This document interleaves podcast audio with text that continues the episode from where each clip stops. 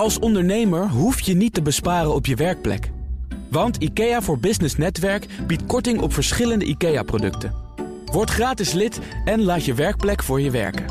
IKEA, een wereld aan ideeën.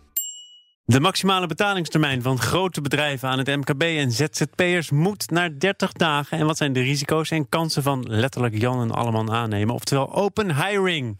Dat en meer bespreken we in het ondernemerspanel deze week. Bestaande uit Leen Zevenbergen, voorzitter van B Corps Europe. En uitgedost in een trui van B Corps. Bedrijfskleding op de radio werkt altijd. Ja, dat werkt. Natuurlijk. Uh, Jerry Helmers is hier ook de voorzitter van ZZP Netwerk Nederland... en directeur van communicatiebureau Crown Media... en mijn zakenpartner is Joke van der Ven van onder andere Brief op Bestelling. Welkom allen. Hele goede middag weer. Jerry, jij mag beginnen met wat voor jou belangrijk nieuws is deze week. Nou, wat belangrijk nieuws is, is um, breinhelden. Daar wil ik het even over hebben. Ik ben vorige week op een boekpresentatie Annex Workshop geweest... waar het boek Breinhelden is gepresenteerd. Dat is geschreven door Belinda Herrewijn en Esther Monfiers... En dat gaat over het ontwikkelen van executieve vaardigheden bij kinderen. Ik kan dat ook heel erg koppelen naar volwassenen. Wat is het als je een project wil afronden, bijvoorbeeld ook op de werkvloer, of als je bijvoorbeeld een debat wil voeren, of als je een goed gesprek hier in de radio-uitzending wilt voeren? Beschouw dat als een project. Om dat goed af te ronden heb je twee vaardigheden nodig. Of het gaat om je denkvermogen en om executieve vaardigheden. Executieve vaardigheden zijn persoonlijke vaardigheden die je helpen om het project goed tot een einde te brengen. En ik vind dat deze twee dames een fantastisch boek hebben geschreven om het onderwijs te stimuleren, ook veel meer aandacht te besteden aan het ontwikkelen van die executieve vaardigheden bij kinderen. Maar wat staat er in dat boek? Wat zijn executieve vaardigheden? Een voorbeeld is bijvoorbeeld startkracht. Je ziet bij kinderen, maar je ziet het ook bij volwassenen, dat ze soms moeite hebben om te beginnen met de klus met het werk, met het project. Hoe komt het dat mensen het moeilijk vinden om te starten? Hoe vinden uh, mensen vinden het soms bijvoorbeeld ook lastig om uh, tijd te definiëren. Ik hoorde net een half uur geleden, jullie doen altijd pitches, dat een van de pitches rennen het niet in één minuut. nou dus ja, hij, had hij dus gewoon een hele minuut, hè? Hij kreeg een hele minuut. ja. Hoe kan het? Hij heeft dat waarschijnlijk thuis voorbereid. Ik denk, Zeker. als je uh, een kans hebt om op de radio in één minuut iets over je eigen bedrijf te vertellen, blijkbaar is er dus in zijn executieve vaardigheden, en dat noem ik dan tijdkracht, hè, zo noemen de dames, de auteurs van dit boek ook. Hoe kan het dan dat hij niet een inschatting heeft kunnen maken om die één minuut effectief te benutten? Beste jongen zit nu terug in de auto, denkt ik heb en die hoort gedaan. dit. Jerry, bedankt. nou, het is heel interessant. Ik ben op die presentatie geweest. Die executieve vaardigheden, dat zijn tien verschillende uh, krachten die je bij kinderen kunt ontwikkelen. Want tot aan de adolescentie kun je die uh, aspecten trainen. Maar je ziet dus ook bij volwassenen dat die bepaalde executieve vaardigheden niet goed beheersen. Wat is jouw grootste zwakke punt op dat Ik denk startkracht. Vlak? Want ik heb altijd moeite, op welk tijdstip op de dag dan ook is, om letterlijk te starten met mijn werkzaamheden. Maar mijn doorzet... Heb je wel leuk werk? Ik heb hartstikke leuk ja. werk. Want mijn doorzetkracht daarentegen, ik denk dat die heel goed op orde is. En het is natuurlijk heel interessant om te weten van waar komt het nou vandaan dat ik soms moeite heb om te starten met mijn werkzaamheden. Je kan dat vergelijken met kleine kinderen. Die geef je in de klas klusjes. Ga iets in elkaar knutselen of ga een tekening maken. En je ziet altijd kinderen die moeite hebben om te starten met dat klusje. Nou, Leen, dat... zou het een boek zijn wat jij openslaat? Ook al is het, het is zelfs kinderen, een boek maar... wat ik geschreven heb. Ah. Zo. Over startkracht. Over Het is groen en groener wordt het niet, heet dat. Het stoplicht staat op groen en dat wordt niet groener. Dus hup, beginnen. Maar wat is jouw oplossing dan om wel succesvol... Dan moet je het boek lezen. Ga dan ik moet je hier het boek niet, lezen. Ik heb okay. mijn eigen nieuws eerst. Dan ga ik, uh, maar startkracht is inderdaad een belangrijk punt. Geef ik toe. Bij, uh, bij heel veel mensen om te beginnen met iets. Mensen is dat beginnen geen faalangst? Niet. Uh, ik denk het niet. Ik denk dat faalangst heeft er denk ik wel mee te maken. Dat denk ik ben geen psycholoog. Mm -hmm. Maar uh, ik denk dat het, uh, ja, dat ik weet niet waar het, waar het in de grond in zit. Maar het, ja, mensen vinden het moeilijk om te, mensen vinden het over het algemeen moeilijk om te nou, starten. Daarom van... zeggen deze auteurs ook van het is heel belangrijk om hier in het onderwijs aandacht aan te besteden. Omdat je dan uiteindelijk ook volwassenen creëert die beter deze executieve vaardigheden beheersen. En dus beter projecten kunnen afsluiten. Nou, de kop van dit panel is eraf. We zijn begonnen. We zijn gestart. Leen, wat is jouw nieuws? Ja, ik probeer het wat korter te houden. Nou, het gaat over open hoor. hiring. Oh ja. He, open hiring is een... Uh, nou, dat wil ik een, wel wat uitgebreider behandelen. Ja, hoor. oké. Okay. Dat is een concept wat, uh, wat eigenlijk in Amerika begonnen is in uh, de wijk Yonkers in New York. Waar boer Jonker ooit zijn boerderij had, Yonkers. En daar, dat was een enorm gebied met, met criminaliteit en drugsgebruik en weinig werk en mensen die op straat hingen. En daar is 30 jaar geleden een bedrijf gestart met de slogan, dat het bedrijf heet Grayston Bakeries, met de slogan We don't bake brownies, uh, we don't hire people to bake brownies, but we bake, Bake brownies, brownies. to hire people. Ja. En daar eh, ligt letterlijk en figuurlijk een lijst bij de receptie waar mensen zich kunnen inschrijven en eh, die worden dan eh, aangenomen. En er is geen eh, eh, gesprek, geen sollicitatie, geen referentiechecking, omdat dat, eh, ja, die mensen krijgen dan sowieso geen baan. Ik heb het er eerder over gehad, want het is ook naar Nederland overgewaaid nu. Hè. Je hebt Ja. een eh, Mama Lou. baby-artikelenwinkel Mama Lou. Mama Loes. Mama Loes. Ja. Sorry. Eh, ja, nou ja, goed. En toen heb ik het erover gehad met Jos Verhoeven van de Start Foundation. Die is hier namelijk bij betrokken. Eh, en hij zegt ook, ja, ik, ik zei toen, ja, maar je, je wilt toch weten met wie je in zee gaat? En zei hij, ja, goed, er worden nu ook allerlei procedures gevolgd als mensen een baan krijgen aangeboden. Maar dan weet je eigenlijk nog steeds niets. Nee. Hè, Zo'n sollicitatieprocedure is een soort schijnzekerheid die je inbouwt. precies Jullie zijn het allemaal mee eens? Nou, ik heb in Amerika heb ik vroeg op een gegeven moment aan de directeur al daar van Grayston van wat is nou succes? En eh, want ik, ik praat er veel over in Nederland en mensen vragen mij van hoeveel mensen blijven dan van de 100% die zich aanmeldt, hoeveel halen het? En eh, dat is ongeveer 40%. Nou, 40% is 40% meer dan nul, Ja, zeker. wat nooit een baan zou krijgen. Maar het succes wordt door hun gedefinieerd dat dat is het moment dat mensen beslissen om zich op de lijst te zetten. Want als ze op de lijst, als ze zich inschrijven bij het bedrijf, krijgen ze een baan op enig moment. Dus ze kiezen ervoor om uit het bestaan van ellende. er wonen medewerkers van het bedrijf onder de brug. Maar het zijn Dus, eh, altijd mensen die denk ik kiezen voor een baan omdat ze hun eigen ellende willen ont, willen Dat- maar verbeteren. daar gaat het om. Het zijn niet mensen die van de ene naar de andere baan gaan en die via open nee. hiring. Nee, Er zijn ook dat is vooral het eh, niet. Ja. eh, eh, mensen die in de gevangenis hebben gezeten. eh, mensen die weinig kans hebben op de arbeidsmarkt. Of Ja. te oud zijn. Of een, een verleden hebben wat niet echt als een zonnetje is. En die dan toch een kans krijgen. Maar Dus de, de vraag is natuurlijk wel wat het op lange termijn voor effect heeft. Zowel Zeker. voor het bedrijf als voor de werknemers. Ik bedoel, ik las dat niet direct in de persberichten... die ik ook gisteren van jullie redactie ontving. Dat is wel wat ik me afvraag. Want ik zou me dus als Nou, daar werkgever zal ik een ook antwoord op afvragen. geven. Geef Als je dat antwoord, afvraagt. ja. Want het bedrijf, wat, eh, als die mensen binnenkomen, worden die mensen niet alleen aan een baan geholpen, maar worden ze ook weer helemaal terug op het spoor gebracht. Een aantal wordt er zijn- begeleid. ja, ja, ze worden begeleid. Er zijn Ja. allerlei trajecten. Die ze, we krijgen weer trainingen, ze krijgen financiële begeleiding. Want die mensen zijn natuurlijk totaal los Ja. van de wereld te komen Ja. staan. Dus dat, wat is het langere termijn effect? Maatschappelijk als effect. Het, ja, als, Ja. Het, als de aantallen groot genoeg zijn, dan, eh, dan zie je wel een behoorlijke impact. Dus maar is gaat dit dan een het- concurrent aan het worden voor het UWV? Want het UWV doet ook allerlei Nee, begeleidingstrajecten. Nee, het is een aanvulling, denk ik. Het zou iets voor. eh, ik hoorde gisteren nog iets. eh, dat ze in Rotterdam ook bezig zijn met mensen Ja. die in de, lang in de bijstand zitten. om die er toch weer erbij te betrekken. Kijk, werk. Wat, wat betekent werk voor mensen? Niet alleen maar inkomsten. Maar je doet ertoe. Je hebt sociale contacten. Je. En je hebt weer een taak op deze wereld. Een functie op deze wereld. Dus hartstikke belangrijk. Ja. Dus als je dat op die manier kan realiseren. ook bij kansarmen. Hè, want het zijn vooral kansarmen, denk ik. Ik denk ik, fantastisch initiatief. Maar is het wel eens misgegaan dan? Dat ze toch iemand hebben binnengehaald Vast. waar het echt goed... En Zeker. hoe is dat dan misgegaan? Ja, dat de mensen misschien eh, niet op het werk verschijnen op tijd. Of Ja. dat ze gewoon liggen te slapen boven de brownies die ze bakken. Ja. Dus er gaat van alles mis Ja. natuurlijk. En dat, eh, maar ja, dat gaat er normaal gesproken Maar in een bedrijf toch Marleen, ook. jij zei, ik praat hier veel over, ook, in- ook hier in Nederland dan denk ik. Ja. Denk je dat dit navolging gaat krijgen? Want je, je haalde net Ja. ook dat percentage aan. En 60% van de mensen eh, die hieraan begint, eh, die haalt het uiteindelijk niet. Maar 40 procent 40% wel. wel. Ja. Goed, dit is Ga eens even net- naar ja. die. eh, Nee, zeker. Ja. Dus, maar ik wil dus hoe Of het word jij navolging ontvangen als jij hier Ja, eh, jij over, noemde over net? Jos Verhoeven van de Start Foundation. Die hebben dit eh, omarmd. En die proberen dit in Nederland eh, met allerlei pilots Ja. van de grond te krijgen. De eerste is Mameloes. En dat is een enorm succes. Gisteren zei hij tegen mij van het kan een toevalstreffer zijn, maar hij verwacht dat niet.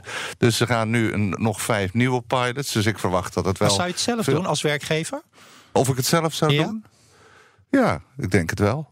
Nou, er is Ja. hier een belofte gedaan. Wij moeten dit blijven volgen, volgens Ja. mij. Ja, Waarom zou je het niet doen? Want ik dacht, jij, jij bent dan een voorvechter. Ik stel deze vraag niet omdat het zo voor de hand ligt dat je Nou dit ja, als het is- werkgever je ook moet zou ook doen. kijken wat voor soort plekken heb je in je bedrijf eh, Daar beschikbaar. Ja. En, dat, en als je bij, eh, ik kan me voorstellen, in zo'n bedrijf als, als Grayston, waar mensen aan de lopende band staan. Wat daar het gevaar is, overigens wat ik zag, is dat je ehm, mensen aan de lopende band laat staan. Terwijl je sommige banen ook zou kunnen automatiseren. Ja. En dat doe je dan niet, omdat het anders die banen voor die kansarmen weghaalt. Dus ja, je, dat is een eh, beetje het inherent aan je slagzin dan, hè? We don't hire people to bake brownies, but we bake brownies to hire people. Ja, Ja. als Ja. je daar Ja. vervolgens een machine voor in de plaats zet, Ja. dan Nee, eh, dat moet doen je ze dus Ja, ja, hoe was je niet in, eh, in Rusland geweest als Ja. je op vakantie ging en je kwam in je hotel en dan stonden de dames op een rij en die gaf je een kaartje, die gaf je een sleutel en daar moest je je inschrijven. En het is- stelt natuurlijk allemaal niks Beetje voor, maar iedereen had werk. bijna. Ja, ja, dat is wel wat voor te zeggen, vind ik. Dus ik ben heel benieuwd hoe dat zich verder Ja. ontwikkelt. En eh, het is nu net begonnen in Nederland. En het zal zich ook wel gaan verspreiden onder andere Europese landen. Als het aan de Start Foundation ligt. Ja, ik Dus, denk eh, dat het voor een aantal gemeentes echt een, eh, een uitkomst zou ja, zijn. Ja. Ja. het is in ieder geval de moeite waard om het te proberen. Eerst praten over de betaaltermijn. Want na een oproep van MKB Nederland lijkt staatssecretaris Mona Keizer overstag. Als binnen 60 dagen facturen betalen de norm wordt, dan moet de grens worden verlegd naar 30 dagen. We hebben het daar eerder over gehad. Het gaat om de oplopende betalingstermijn. Het was een krappe 39 dagen. Het is nu een ruime 39 dagen. Eh, heb je daar zelf ook ervaring mee, eh, Jerry? Ik, het valt mee, het is te overzien. Eh, ja, ik heb zelf als ZZP'er vanuit mijn bureau ook wel opdrachtgevers die het toch eh, iets ruimer nemen eh, dan is afgesproken. Wat staat er onder jouw facturen? Graag betalen binnen? 30 dagen of 14 Twee dagen. Het is, een beetje- nou, het is 30 of 14 dagen afhankelijk van wat voor afspraak er is gemaakt. Want daar zit ook de bottom line. Wat voor afspraken maak je? Ja. En uiteindelijk, als wij eh, zien, vooral bij het grootbedrijf, dat dus ook ZZP'ers afspraken maken. Je mag binnen 60 dagen betalen. Dan zie ik dat wel als een wederzijdse afspraak eh, waar akkoord op is gegeven. En dan op dat punt vraag ik me dan af: van waarom is die discussie er? Ik snap de maatschap- maatschappelijke Nou, betrokkenheid van de is er staatssecretaris. is. Het is echt schandalig hoe het vaak gaat. Dat is, eh, maar bovendien was er eh, vanuit het FD in 2013 een initiatief dat heette eh, Groot helpt klein. En dat werd aangejaagd vanuit ABN AMRO Bank omdat die zeiden, het is niet alleen de, bank, de schuld van de banken... dat het MKB niet voldoende middelen heeft. Maar het is vooral de schuld van het grootbedrijf. En eh, ze vergaten daarbij denk ik de overheid. Want die zijn vaak nog veel erger. Die op dit moment trouwens goed, eh, verbeteren de Ja, Ja, dat gaat helemaal niet goed. Ik heb- geen ik heb- enkele ik praat- problemen ik heb mee. Nee, ik heb er veel problemen mee. En ik zie veel bedrijven die Maar er dit problemen kan mee dus hebben. dan te maken hebben. Ik bedoel, ik ken jouw businessdienst met de wijze waarop je afspraken maakt. Want Ja, maar ik vind, ik vind al- dat ja. veel ondernemers ook wel makkelijk klagen van eh, de overheid of het grootbedrijf betaalt pas na 60 dagen. Maar als dat de afspraak is die je hebt gemaakt en waar je ook akkoord op hebt gegeven, dan Ja. vind ik niet dat je recht hebt van klagen. Ik vind in zijn Nee, dat vind algemeenheid wel dat het maar groot. Ik denk dat dat vaak helemaal het probleem juist niet is. Wat is wel het is- probleem? Het levert hartstikke veel geld op voor bedrijven natuurlijk als ze later betalen. Ja. Het is, je bent een bankier van een bedrijf. En ik denk het is gewoon niet meer eens fatsoenlijk om gewoon te betalen. Ook al zijn er geen afspraken, er zijn toch ook normen en waarden. Ja, maar die norm, overal afspraken over te dat maken klopt. om iets te doen. Ik bedoel, ik ben het met je eens dat er een maatschappelijke component is dat het geld, als het geld Nee, het is sneller wordt. maatschappelijk, het zijn normen en waarden. Ja. Nee, maar het is ook een maatschappelijk component, Ja. een, so- een sociaal fatsoen, als het geld sneller wordt Ja. rondgepompt, waardoor er ook weer sneller geïnvesteerd kan worden. Maar ik vind wel, als ik als ZZP'er een afspraak maak met de overheid of met welk groot bedrijf dan ook, dat ik het akkoord vind dat, er- dat ik pas na 60 dagen word betaald, dan is het ook mijn eigen verantwoordelijkheid dat ik die afspraak heb gemaakt. Ja. Ik vind het dan niet terecht dat ik zou klagen dat een betaling 60 dagen uitblijft. En waar- als ze zich maar aan de afspraak houden. Ja, En waarom ja. doe je dat, 60 dagen? Nou, ik doe het niet. Maar Oh? ik geef als Ik hypothese het voorstel. Elke Oké. ZZP'er of elke ondernemer die er akkoord mee gaat... als die zaken doet met de overheid of het grootbedrijf... je gaat akkoord met de afspraak 60 dagen... dan moet je daar niet Maar over daar gaat klagen. het niet over. Het gaat niet over als mensen akkoord zijn met iets. Het gaat erover dat mensen dat, dat, het, dat dan die regels die mensen met elkaar afspreken, worden, met voeten worden getreden. Daar gaat het om. Welke Dus regels worden dan getreden? Die afspraken waar je het net over had. Nou, hoe, Ja, vaak word nee, jij, maar- hoe vaak word jij te laat betaald? Onder jouw factuur staat binnen 14 of bi- binnen 30 dagen. Heb je ook afgesproken? Denk jij dan? Hoe vaak moet je alsnog achter je factuur aanbellen van hé, hey, waar blijft het Ik dan? denk dat dat in 5% van de gevallen is. En dan heb je dus inderdaad over het niet nakomen van afspraken. Dat vind ik geen Maar dat is fatsoen. bij jou. Maar ik denk dat het vaker is. Ik denk dat het vaker gebeurt. Ik denk ook dat het vaker in ernstige mate zich voordoet. Dus als je zegt 14 dagen, dat het gewoon vier maanden duurt. Oké, maar dan is de vraag: kan de staatssecretaris hier wat aan doen? Want zij wil eh, de wettelijke betaaltermijn uiteindelijk gaan verkorten. De vraag is dus alsof de overheid een, wettelijk, een dwingende wettelijke bepaling kan opleggen waardoor mensen gaan betalen. Ik vraag het me af. Want al als ondernemer ben je blij met een klant. Je accepteert een bepaalde betalingstermijn. Ga je, de, ga je dat dan melden bij de secretaris gaat of bij het- een daar gaat meldpunt het, daar Ik ga het niet melden bij de staatssecretaris, maar daar gaat het ook niet over. Het gaat erom, kunnen ze daar in de wetgeving iets mee doen? En dan ga je niet naar de staatssecretaris, dan ga je naar de rechter.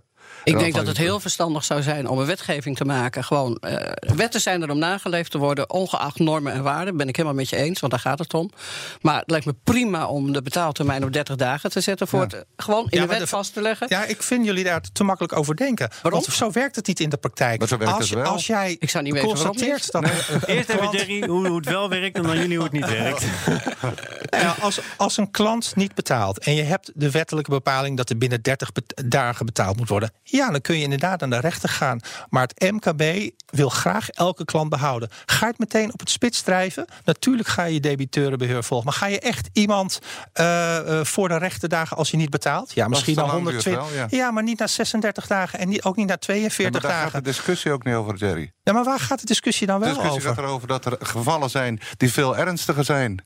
En die komen heel vaak voor. Dan ja, gaan bedrijven op failliet. Dan verliezen we klopt, banen door. Klopt. Maar en daar gaat het over. Klopt, dus het gaat niet over al dat, dat, al dat gemoedelijke zoals jij dat nu beschrijft. Nee, nee, nee, nee. Maar ik betwist ook niet dat als een 60 dagen betalingtermijn is afgesproken... dat het fatsoenlijk is om het pas na 120 dagen betaald te laten krijgen. Daar moet je inderdaad op ingrijpen. Maar, ook de bedrijven, de bedrijven die, het, uh, uh, die hun facturen te lang open eh, laten staan, vind ik voor een deel ook to blame hoor.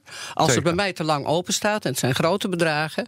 Ik heb in de loop der jaren geleerd, er is één effectieve methode: bellen. En dan horen ze mijn stem en dan schamen ze zich te pletter en dan is het zo gebeurd. Eens. En ik denk dat dat in alle bedrijven kan en in alle bedrijfstakken. Dus als je het echt uit de hand laat lopen, dan moet je ook als ondernemer eerst zelf in de spiegel kijken: waar heb ik het nou zelf laten nou, zitten? Overigens zijn er, ook veel ondernemers die. Je hebt er ook recht uh, op. Blijkt zelf ook laat factureren. Hè? Ook. Die, die zich misschien wel schamen als ze meteen na het leveren van een dienst of een product zeggen: hier is mijn factuur. Uh, of, of om wat voor reden dan ook dat laten liggen. En ja. dan dat is ook even raar, vertraging op. Maar Joke, als jij afspreekt 60 dagen betalingstermijn en dan 58 dagen wordt betaald, dan is dat toch oké? Okay? Jazeker, als je het zo hebt afgesproken. Precies. Ja, ja, precies. Maar als er een wettelijke norm is dat je allemaal binnen 30 dagen betaalt, dan denk ik prima, dat hoef ik niet uit te leggen. Je kan het nog op je factuur zetten. En als ze na 32 dagen niet betaald hebben, nou, dan hang ik gewoon aan de lijn. Nee, ik hang aan de lijn. Oh. Ik is honderd keer effectiever. Ja, Leen, over wetten of normen gesproken. Um, de oprichter van Betaalmenu was de gast in dit programma een paar dagen geleden. Dat is dat uh, collectief van grote bedrijven dat zegt wij beloven beterschap. Hij heeft uh, 500 uh, bedrijven benaderd.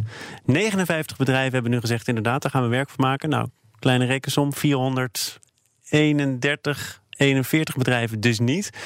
Wat zegt jou dat? Dat het inderdaad uh, voorbij is met het uh, vrijblijvende karakter hiervan en dat het echt moet worden aangepakt? Of, of wat anders? Ja, het, het positieve is dat meer dan de helft blijkbaar zegt we. Nee, nee 59 van de 500 hebben nu zich aangesloten. Oh, 59. Ik 59. dacht 59 procent. Nee, nee, 59. Dat, dat, is wel een treurig aantal, denk ik. En, en dat initiatief wat, wat, wat hier erg op lijkt, hè, wat in 2013 startte, dat deed Jan-Peter Smietman destijds van ABN Amro Bank. En dat was groot helpt klein. Dat lijkt er heel erg op. Uh, hoe gaan grote bedrijven uh, eigenlijk uh, de kredietverstrekking door kleine bedrijven hun tegen? Dat, was toen, dat ging de erg de goede kant op. Dat is gestopt. Dat lijkt hier zich weer op ja. te, te hè, dat is weer voor te doen. ik vind het wel een, een lage score, eerlijk gezegd. Dus dat vind ik niet zo veelbelovend dat grote bedrijven dat zeggen. Ik ken een paar grote bedrijven die inderdaad zeggen... we betalen pas na 120 dagen. Ja. En dat vind ik echt diefstal. We gaan uh, naar, een, naar, een, ander onderwerp.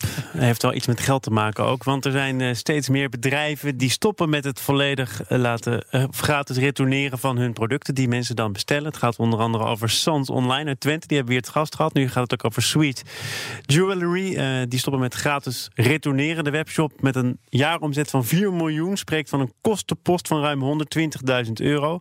Gaat het over de eerste zes maanden van dit jaar, of zes maanden gerekend we hebben eerder deze week ook het nieuws gehad van grote bedrijven, zoals Zalando bijvoorbeeld. Die stoppen met het gratis bezorgen van, uh, van pakketjes. Doen ze nu nog in Italië. De vraag is wanneer komt dat dan naar Nederland? Uh, wat, wat is hier aan de hand? Een trendbreuk van iets waarvan we dachten, hey, dat, dat kan bijna niet meer niet gratis zijn. Je ziet nu toch grote bedrijven die daar toch weer geld voor gaan rekenen. Nou, ik denk dat die grote bedrijven erachter komen dat, nou ja, de cijfers zeggen het al, dat de kosten dusdanig hoog zijn geworden dat ze zichzelf ook niet meer willen veroorloven. In die hele online business zijn de marges natuurlijk sowieso klein. Dus het is natuurlijk behoorlijke aanslag op uh, je rendement. Aan de andere kant zie je ook in de, we zitten ook in een tijdgeest waarin we het hebben over uh, duurzaamheid en dat mensen zich moeten gaan realiseren dat zo'n pakketje terugsturen uiteindelijk ook geld kost, ook maatschappelijk geld kost. Dat moet daar een vrachtwagen voor rijden. Uh, er is CO2-uitstoot op. We zitten in die tijdgeest dat we langzamerhand dat ook gaan accepteren. Dat we uh, dat we uh, moeten gaan betalen ja? voor ja? pakketjes die naartoe gaan. Ik ja. denk het wel, ja. ja. Ik had een heel erg uh, déjà vu gevoel toen ik dit las. Um, toen voor het eerst de kranten online gingen. Dus dan hebben we het over Volkskrant, Trouw, Telegraaf, et cetera. Het heeft jaren geduurd voordat ze een businessmodel vonden... waarmee ze gewoon geld verdienen met hun content. Ze verdienen het nog steeds met de papieren krant. Nou, dat werd steeds duurder, papier duurder, bezorgers duurder, et cetera, et cetera. Het heeft jaren geduurd voordat ze een businessmodel vonden... waarmee ze echt voor hun content ook online lieten betalen. Nu zie je de online shops, die zijn in de gekte meegegaan. Ja. Het is natuurlijk, ik doe het zelf ook... Maar raar vind ik het. En wat je uh, leest, is dat mensen zeggen van... nou, als ik nou voor... en dat doe ik soms ook, voor 50 euro... als je boven de 50 euro zit... dan hoef je geen uh, transportkosten te betalen. Nou, soms koop ik dan dingen extra. En soms kun je ook zeggen, ik koop twee dingen. En kijk, in verschillende maten bijvoorbeeld. En dan stuur ik er één terug. Joker, Eigenlijk is dat asociaal. Ja, maar dat doet Joker niet alleen hoor. Dat, oh, ik ja? denk dat uh, dat, dat, dat ik is denk, een ik ken van nu de eindelijk iemand die dit doet. Van Joker. dit, uh, probleem. Ja, dat, kijk me aan. Ik, mijn kinderen, als die iets willen bestellen, bestellen ze ook een heel pakket. Ja. En dan gaan ze meten. En, maar niet alleen meten, maar ook kijken wat staat het mooiste. Dus het Ja. lijkt alsof er een winkel aan huis wordt bezorgd. En dan gaat dan meer dan de helft van terug. En dan blijft over wat past of wat staat. Dat gedrag is dus gecreëerd Ja. door het aanbod om het gratis terug te sturen. Want Ja. anders dan ben je voorzichtiger. Maar toch nog even, Jerry zegt nu... we zitten in een tijd waarin we ook ons gaan realiseren... dat dingen niet gratis zijn. Dat Ja. dingen geld kosten. Ja. Ja. Terwijl je dus gewend bent, dan kom ik weer terug op mijn punt... dat iets gratis is. Zijn wij dan dus zo meteen bereid om te gaan betalen? Niet- Niet alleen voor retourneren, maar mogelijk ook gewoon voor... in eerste instantie laten komen. Nou, er zijn twee scenario's. Ja, we kunnen het ons gaan realiseren en we gaan misschien minder online bestellen. Omdat we ons realiseren van misschien moeten we een pakketje wat terugsturen. En dat vinden we vanuit milieuoverweging niet verstandig. Maar misschien is er nog een ander interessant effect. Dat de fysieke winkels misschien weer meer gaan omzetten. Dat je denkt van, nou in plaats van een pakketje terugsturen. Ga ik misschien toch lekker de stad in om zelf daar mijn jurkje of mijn broek of wat dan Ja, ook of je te krijgt passen. een combinatie van, uh, wordt een soort kijkshop-achtig. hè? Dat Je was een gaat- succes, hè? Je gaat, dat was eh, geen succes, maar je gaat kijken en je gaat eh, en daarna bestel je. Ik heb, overigens heb ik dat wel eens vaker gedaan en dan zie je dat als je op internet gaat zoeken naar iets waar, wat je gezien hebt, wat je wil hebben, dat, het, dat je dan vaak goedkoper uit bent. Maar goed, dat is een ander ding, want dan bestel je iets wat je al wil hebben en dat Ja. ga je niet terugsturen. Dus je hebt het eerst bekeken fysiek. Wat Sherry zegt in een winkel. Dus ik zie dat wel. eh, Het helpt wel, want het is natuurlijk heel sneu als al die winkels. Maar ik denk ook leeg als een grote partij als Zalando nu deze stap gaat maken, dan Zeker. zeg ik van er is één schaap, een groot schaap over de dam. En er zullen meerdere, dus ook de kleintjes zullen volgen. We zijn online verkeerd opgevoed hierin, Eens. vind ik. Als jij zo meteen terugkomt in Groningen, ligt er dan een pakketje voor je klaar? Ik weet het niet. Ja, dat zou zomaar kunnen. Of bij de buren. hoor, Joke. Joop van der Ven was hier. Leen Zevenbergen en Jerry Helmers. Dank voor jullie komst. Als ondernemer hoef je niet te besparen op je werkplek. Want IKEA voor Business Netwerk biedt korting op verschillende IKEA-producten. Word gratis lid en laat je werkplek voor je werken. IKEA, een wereld aan ideeën.